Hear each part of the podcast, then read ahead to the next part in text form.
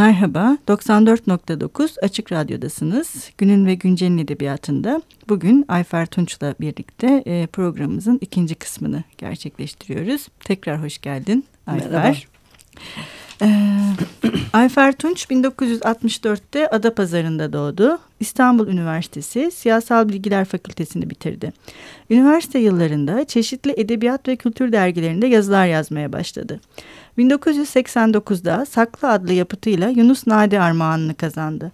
1999-2004 arasında Yapı Kredi yayınlarında yayın yönetmeni olarak görev yaptı. 2001'de yayımlanan ve okurdan büyük bir ilgi gören Bir Maniniz Yoksa Annemler Size Gelecek. 70'li yıllarda Hayatımız adlı yapıtı 2003'te Uluslararası Balkanika ödülünü kazandı ve Altı Balkan diline çevrildi. Tunç'un 2003'te Sait Faik'in öykülerinden hareketle yazdığı Havada Bulut adlı senaryosu filme çekildi ve TRT'de gösterildi. Ayfer Tunç'un ayrıca Mağara Arkadaşları ve Evvel Otel Saklı adlı kitaplarıyla Ömür Diyorlar Buna adlı bir yaşantı kitabı, Harflere Bölünmüş Zaman adlı bir ek kitabı, İki Yüzlü Cinsellik adlı bir inceleme kitabı ki bu kitabı Oya Ayman'la birlikte yazıyor, Kapak Kızı, Bir Deliler Evi'nin yalan yanlış anlatılan kısa tarihi, Yeşil Peri Gecesi, Suzan Defter, Aziz Bey Hadisesi ve Dünya Ağrısı adlı romanları bulunmaktadır. En son e, 2013'te çıktı ve Ayfer Tunç'un bütün eserleri Can Yayınları tarafından yayınlanıyor. Ee, şimdi ilk programda daha çok böyle senin edebiyatının ana hatlarından bahsetmiştik. Ama bugün ben biraz belki şeyle başlamak istiyorum. Sen böyle yenilikler yapmayı, kendi edebiyatına da dönüp bakmayı seven bir yazarsın. Ee, bunu da gerçi daha önce seninle biz de konuştuk, sen de konuştun ama burada da konuşmak e, gerekir herhalde. Ee, örneğin Kapak Kızı'ndan başlayabiliriz. Kapak Kızı senin ilk romanın ve sen onu yeniden Hı -hı. yazdın. Ee, ve bazı eserlerinde yine değişiklikler yaptın şu anlamda. Örneğin Aziz Bey hadisesi daha önce hikaye olarak e, yani tür olarak hikaye olarak çıkmıştı. Suzan Defter yine hikayeydi. Bunları da ayrı müstakil olarak hı hı. E, roman olarak e, yayınladı. Novella demek daha doğru evet, aslında. Evet ben de aslında Hı -hı. öyle diyecektim. Hı -hı. Yani bunların ikisi de daha Hı -hı. hani novella demeye daha e, uygun eserler Hı -hı. ama istersen kapak kızıyla başlayalım Hı -hı. sonra onlara geçelim. Kapak kızına yeniden yazdım demek de çok doğru değil. Yani ben onu yeniden yazacak olsam öyle yazmam. O bir, yani bir ilk roman hatalarını taşıyan bir şey ama ben e, Yapı Kredi yayınlarında uzun süre çalıştım editörlük öğrendim orada. Hı hı. E, o ed editörlük bilgisiyle beni rahatsız eden kısımlarını düzelttiğim bir roman oldu diyelim. Yani o tam anlamıyla evet, doğru. yeniden yazdığım doğru. bir roman değil. Doğru. Zaten inşa aynı inşa diye bir hı hı. arkasına da bir son hı hı. söz yazdım doğru. yani. E, ben e, yazar ölmedikçe metinlerin işinin bittiğini düşünmüyorum. Yani yazar hayatta olduğu müddetçe metinlerine istediği kadar müdahale edebilir e, reddedebilir, kabul edebilir, dönüştürebilir, değiştirebilir ama bunu kafasına göre yapamaz. Yani belli bir mantık içerisinde olması gerekir. Belli bir tutarlılık hı hı. içerisinde. E, işte en, ben aslında kitaplara müdahale edilebildiğini, değişebildiğini Tanpınar'da gördüm. Huzur'un hı hı e, edisyonunu yayını hazırlıyordum ve adamın ne kadar değişti. Suat bölümü yok yani evet. ve en can alıcı hmm. karakter yani. Suat olmayınca kitap kitap Başka olmuyor. Başka bir şey oluyor. Başka bir şey oluyor. Fakat onu yayınlanırken Suat'a eklemiş ve müthiş bir değişiklik yapmış kitapta. Yani birinci draft yayınlanmış aslında. Dolayısıyla o benim kafamda çok büyük bir şeyi kaldırdı. Bir sıkıntıyı kaldırdı. Hani bu e, sonsuza kadar çalışabileceğim bir şey. Bir de inandığım bir şey daha karakterler metin içerisinde ölmedikçe yazarın zihninde yaşamaya devam ediyor. Yani benim yaşayan hiçbir karakterimin hikayesi bitmiş değil.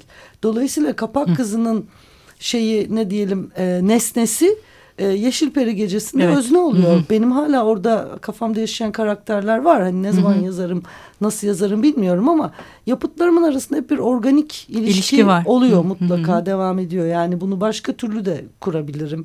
Hı. E, var kafamda bir şeyler ama artık zaman zemin bakalım hayat ne gösterir. Hı hı. Bu de yani şeyi de e, Suzan Defter ve e, Aziz Bey hadisesinin de şöyle e, bunlar yayıncılık sorunları nedeniyle birlikte yayınlanmıştı. Hmm. Yani bunlar aslında novella olarak ayrı yayınlanmayı hak eden kitaplardı. Ama çeşitli nedenlerle, yayıncılık nedenleriyle e, öykü kitaplarının içerisinde çıktılar. Ve bu aslında can yayınlarının önerisidir. Yani bunları hı novella olarak ayrı basmak. Hı Tabii da isabetli. Bence yani. de çok isabetli oldu. Dolayısıyla taş kağıt makastan e, Suzan defteri çıkardık. Aziz Bey hadisesinden Aziz Bey hadisesinin kendisini çıkardık. Diğer kalan öyküleri de Kırmızı, Kırmızı Azap'ta Azap. birleştirdik. Hı hı. Şimdi çok ilginç olan şu. E, Suzan taş kağıt makas diyelim ki iki baskı, üç baskı yapmıştı. Suzan defter çıktı tek başına bir ay içerisinde beş baskı yaptı. Ama Suzan Defter çok özel bir eser gerçekten. Yani ee, benim de çok favori kitaplarım benim, benim de. benim de hep en favori kitabım odur yani hakikaten e, bir Deliler Evi bir de bu en Hı -hı. favori kitabım ikisi. Ama hani Deliler Evi beni çok mutlu Hı -hı. ettiği için yazarken. Hı -hı. Ee, ama şu var yani sonuçta buradaki mesele e, üzerinde etki etiketin öykü olmaması. Hmm, evet. Yani öykünün böyle bir e, üvey evlat muamelesi var ve bu beni çok üzüyor yani öyküden gelen öykü yazan bir yazar olarak. Ama öykü çok öykü yazdım ve e, öykü damarım kuvvetli olmasına rağmen kendimi öykücü olarak da nitelemiyorum. Onu da söyleyeyim yani yazarım ve öykücü, romancı falan sınırlamalarına da hı hı. pek sıcak olduğum söylenemez. Bana hep şey gibi geliyor. Bütün bunları daha kapsayıcı bir şekilde hani senin de söylediğin anlatı demek. Acaba evet. bunların üzerinde anlatı yazsa. Hani... O zaman hiç satmadım. ya da novella hiç satma. Hiç o zaman kaçarak uzaklaşır okur. Hay satıp satmaması beni ilgilendirmiyor. Doğru. Yayın evini ilgilendiriyor. Ama yani okurda böyle bir algı olduğu da gerçek doğru. Evet. Çok haklısın. Yani onu... E, yani çok nitelikli okur olduğunu düşündüğüm insanlar bile kimi zaman sosyal medya aracılığıyla pek çok şeyden haberimiz oluyor ya artık. Evet. Eskiden bilmiyorduk ve daha rahattık. Daha Hı -hı. özgürdük. Hı -hı. Ee, aslında hiç öykü sevmem ama diye başlıyor cümleler. Ve o o zaten çok yeteri kadar rahatsız edici bir şey. Bence de. E şimdi tam sen konuşurken şu aklıma geldi. Hani tam Pınar'ın değiştirmesi, işte hı hı. onu görünce sende de bir takım şeylerin uyanması. Hani bugün olmayan bir şey bu tefrika geleneği. Hı hı. Acaba diyorum keşke bu gelenek, tefrika geleneği yeniden ortaya çıksa herhalde kitapların değişme ihtimali daha da yüksek bir boyuta gelecek. Biz de tabii, okur tabii, olarak tabii. çok daha zengin keşke ama tabii, tabii onu başlayacak bir yayıncılık. var artık yani. Doğru. Tefrikaya ihtiyaç yok. Dizide. Tefrika o zamanın dizleriydi. Doğru. Kimse onu seyretmiyor. Peki madem Suzan Defter'den e, açıldı konu biraz Suzan Defter'le Hı -hı. devam edelim istersen. Şimdi Suzan Defter aslında bir e, yanıyla bir 12 Eylül Hı -hı. anlatısını da içinde barındıran bir e, eser ve e, 12 Eylül'ün e, yani şüphesiz Türkçe edebiyatta çok önemli bir yeri var ve ama bunu anlatmanın birçok formülü Hı -hı. üretildi. Özellikle 2000'den sonraki Türkçe edebiyatta Hı -hı. 12 Eylül e, yeniden gündeme hı hı. getirildi ve çok daha farklı bir şekilde gündeme getirilmeye başlandı. E, bunu daha önce buradaki programlarda konuştuk. Yani Ece Temel Kur'an'la da konuştuk. Figen Şakacı'yla da konuştuk. Çünkü onlar da bunu mesele edilmiş yazarlar. Mesela onlar da daha çok böyle işte çocuk gözünden anlatılan bir şeye dönüşürken ya da bugün tabii Ayşegül Devecioğlu ve İbrahim Yıldırım'a baktığında hı hı. onların da bir şekilde meselesi 12 Eylül ama sende e, yani Suzan Defter'deki 12 Eylül'ün e, esere sızma şekli çok farklı. Hı hı. Ve e, bu sızma şekli senin işte ilk programda bahsettiğin atmosfer, mekan, o suyun hı hı. içine benzemesi gibi. Yani böyle insanların her iki karakterinde hayatı aslında koca bir ülkenin hayatı hı hı. orada yaşadıkları bir erkek ve bir kadın olarak. Yani en azından ben öyle okudum hı hı hı. bunu okurken. Ve e, o anlamda da Suzan Defter'in ayrıca hem 12 Eylül anlatılarında da özel bir yeri olduğunu düşünüyorum ama anlatı tekniği olarak da ki e, onu da aslında konuşmak istiyorum. İstersen biraz 12 Eylül'le başlayalım sonra tekniğe de geçeriz. Neden hı hı. öyle bir 12 Eylül kurgulamayı seçtin? Ben e, içinde yaşadığımız tarihlerin, yaşadığımız zamanın bizi yaptığına inanıyorum. Yani bizi Hı -hı. yapıyor yaşadığımız tarihler ve biz bu tarihlerden azade tutamayız kendimizi, düşünemeyiz. E, toplumsallıktan en uzak olduğunu zanneden, en lay lay lom hayat yaşadığını ve en farkında olmadığını zanneden insanların bile hayatını etkiler. Ekonomi ve tarih. Hı hı. Bu ikisinden uzak kalmak mümkün değil. Çünkü canlıyız ve bir toplumda yaşıyoruz. Hı hı. Dolayısıyla e, bizim kuşağı özellikle 12 Eylül çok derinden etkiledi. Ee, ben 16 yaşındaydım 12 Eylül olduğunda. İşte Ece daha küçüktür. Diğer yazarlar daha benden büyük olan vardır, küçük olan vardır. Ama bu bizim bütün bir ömrümüzü etkiledi. Bütün bir gençliğimizi yani benim gençliğimi 12 Eylül zehirledi. Bu ülke bana bir gençlik borçlu. Sadece bana değil yani bütün bir kuşağa gençlik borcu derken kahkahayla gülmek istiyorum. Çünkü 12 Eylül çok hafif kaldı yaşadığımız Hı -hı. günlerin yanında. Ya, maalesef. Dolayısıyla e, biz toplumsallıkla ilişkilerimizi gözden geçirmeden e, kendimizi tarif edemiyoruz.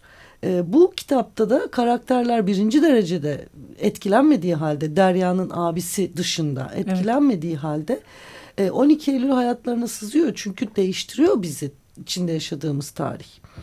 E, Derya'nın abisinin bir solcu olması, hapse girmesi ve aslında asıl önemli olan çıktıktan sonra bütün elini eteğini çekip başka bir sığ bir hayatı seçmiş olması ve onun yarattığı bir e, boşluk duygusu, kayıp duygusu.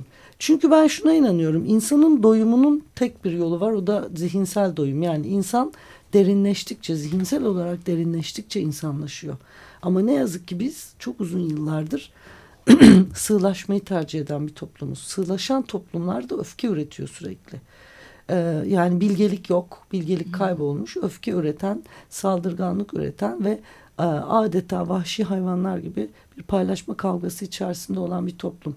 Ve bunun da edebiyatı yapılacak ve yazılacak. Umarım edebiyat yok olmazsa o zamana kadar ama yok, olmaz. Yani şu anda böyle bir yeni bir ortam evet. içerisindeyiz. O da yeni kuşak. Ee, istersen şimdi yine ikinci bölüme geçmeden bir ara verelim. Ee, istersen bu sefer Yeşilperi Gecesi'nde çok kullanılan bir şarkı var. Ee, oradaki karakter bu e, Eternal Sunshine of the Spotless Mind filminin ni çok seviyor ve şarkısını da çok seviyor. E, istersen onu dinleyelim. Olur dinleyelim.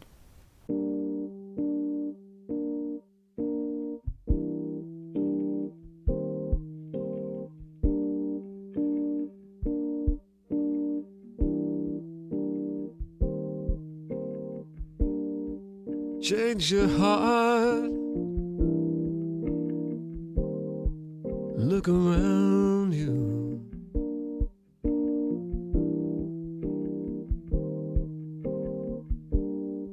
Change your heart. It will astound you.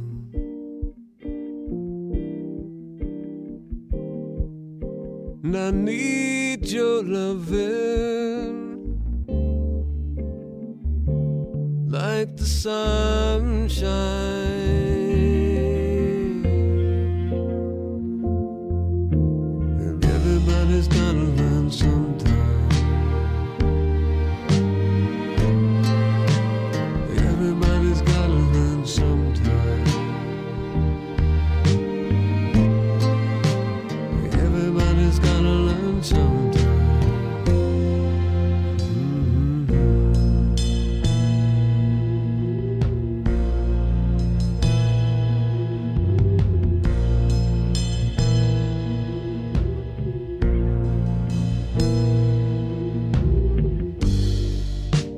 Your heart.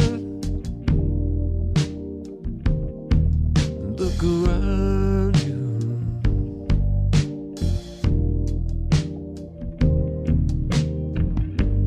Change your heart. It will astound you.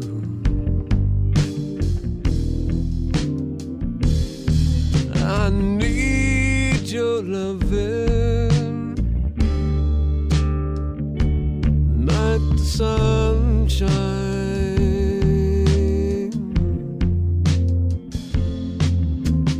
Everybody's gotta learn sometime.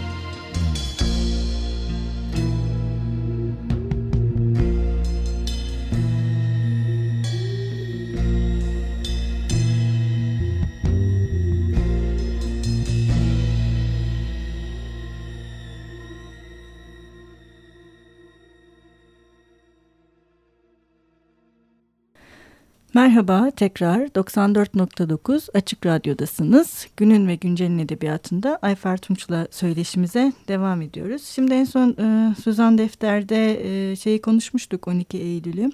Ama biraz tabii bu sadece senin Suzan Defter'de yaptığın bir şey değil. Başka eserlerinde de var. Yani yeni anlatı, anlatının imkanlarıyla uğraşmayı da seviyorsun. Hı hı. Ve e, Suzan Defter aslında bir günlük. Hı hı. Ve iki karakterin kendi gözünden hem işte e, kendilerini hem de birbirlerine neredeyse hani çifte bakış şeklinde hı hı. yazılmış. Ve aslında birinin e, ve birçok yalanların da olduğunu hı hı, biz hı. E, öğreniyoruz ve hani bize anlatıldığı gibi bir şey olmadığını hı hı. da öğreniyoruz.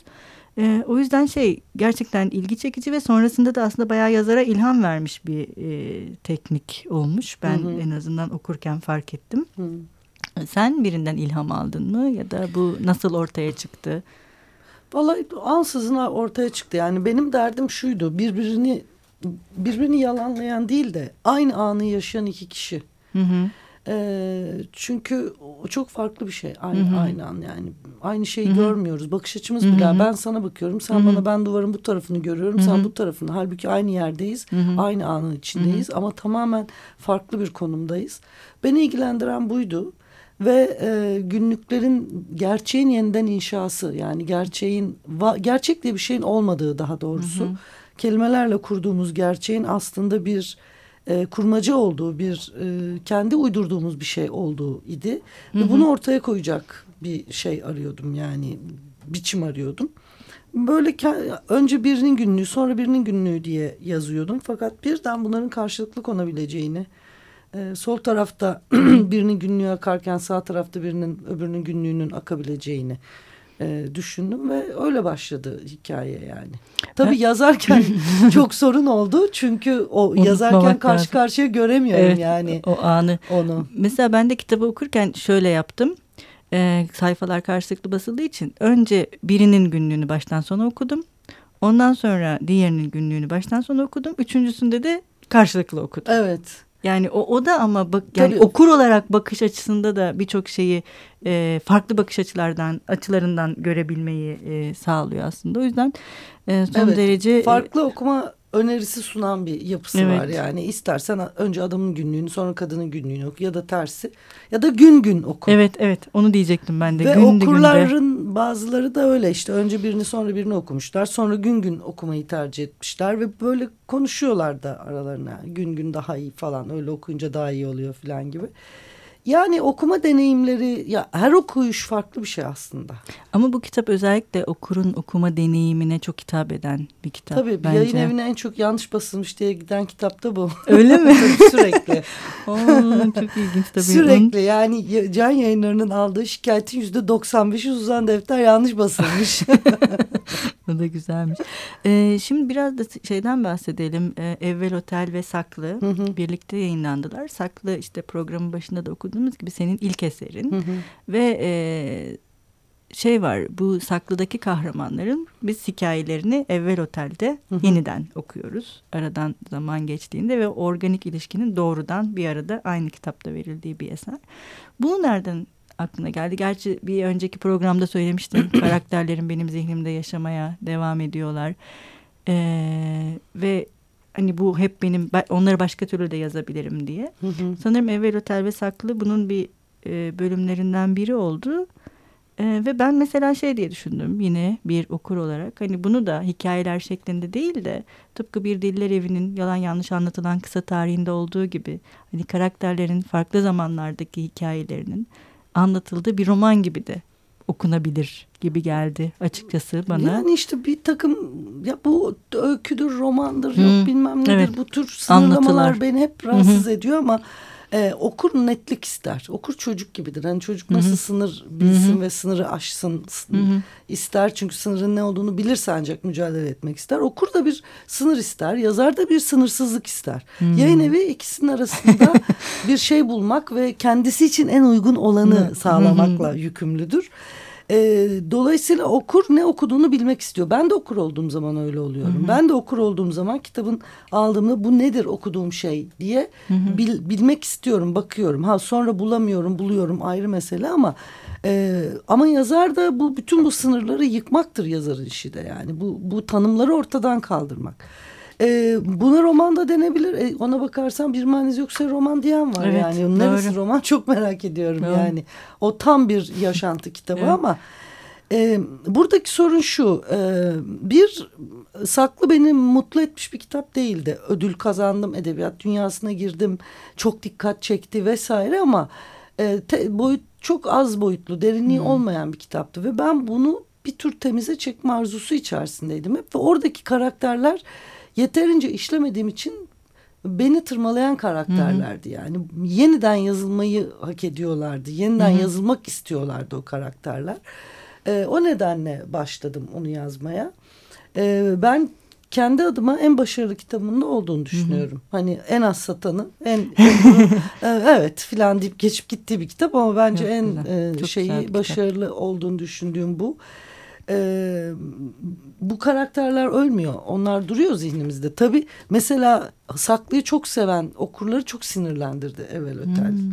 Ee, mesela bazı öyküler diyelim ki Hı-hı. şey Ay Bakıyor'daki Hı-hı. anne o annenin yalancı çıkması falan. Karakteri Halbuki, de çok sinirlendiriyor zaten.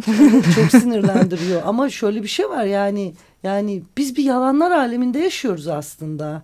E, ve mesela Ay Bakıyor'daki anne ben bana çok klişe geliyordu. Beni rahatsız eden oydu ya. Tipik bir 12 Eylül annesiydi. Yani bir şeyleri yıkmam gerekiyor diye Hı-hı. düşündüm. Ve e, insan bu yaşa gelince sürekli e, güzel sandığı hikayelerin arkasında büyük hayal kırıklıkları görünce e, aslında güzele, iyiye, sağlama, düzgüne vesaireye olan inancı çok e, sarsılıyor ve çok şüpheli bir bakış açısı oluyor. İçin bundaki öyküler bir şüphenin öyküleridir aslında. Evet. Hayata dair doğan şüpheden. Doğru. Ee, bugün de e, bize ayrılan süre bitmiş durumda. o zaman istersen bugün e, Evvel Otel Saklı'dan bir bölüm okuyarak Olur. bitirelim. Ee, Hoşçakalın. Görüşmek üzere. E, acı lezzetten bir e, bölüm okumak istiyorum. İlk karşılaşmamızda üstümde bıraktığı etkinin zamanla ağırlaşacağını kestirememiş olmam bende çelişkili duygular uyandırıyor. Bazen kendime kızıyorum. Madamın varlığının anaforuna kapılacağımı nasıl bilemedim diye. Çünkü hayatıma giren her kadının bendeki serencamını daha ilk günden tahmin edebilme yetisini 20'li yaşlarıma varmadan kazandım. Kadınlar hayatıma hep kendi ayaklarıyla geldiler.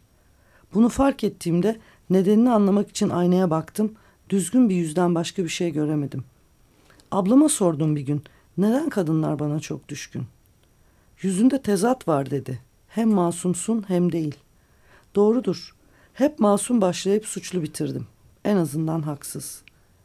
Ardımda edinmek için pek de çaba harcamadığım bunca deneyim varken hayatıma istediği zaman giren bir kadınla yaşanacak bir sonraki buluşmayı hiçbir şey tahmin edemeden gözü kapalı beklemiş olmama şaşıyorum şimdi.'' Bazen de hayatımın tek hakiki ama olağan dışı macerasını yolun yarısını henüz geçmişken ilk yaşamış olduğumu düşünüyorum. Bütün bunları düşünüyorum ya sonra hepsinin üstüne yeniden düşünüyorum.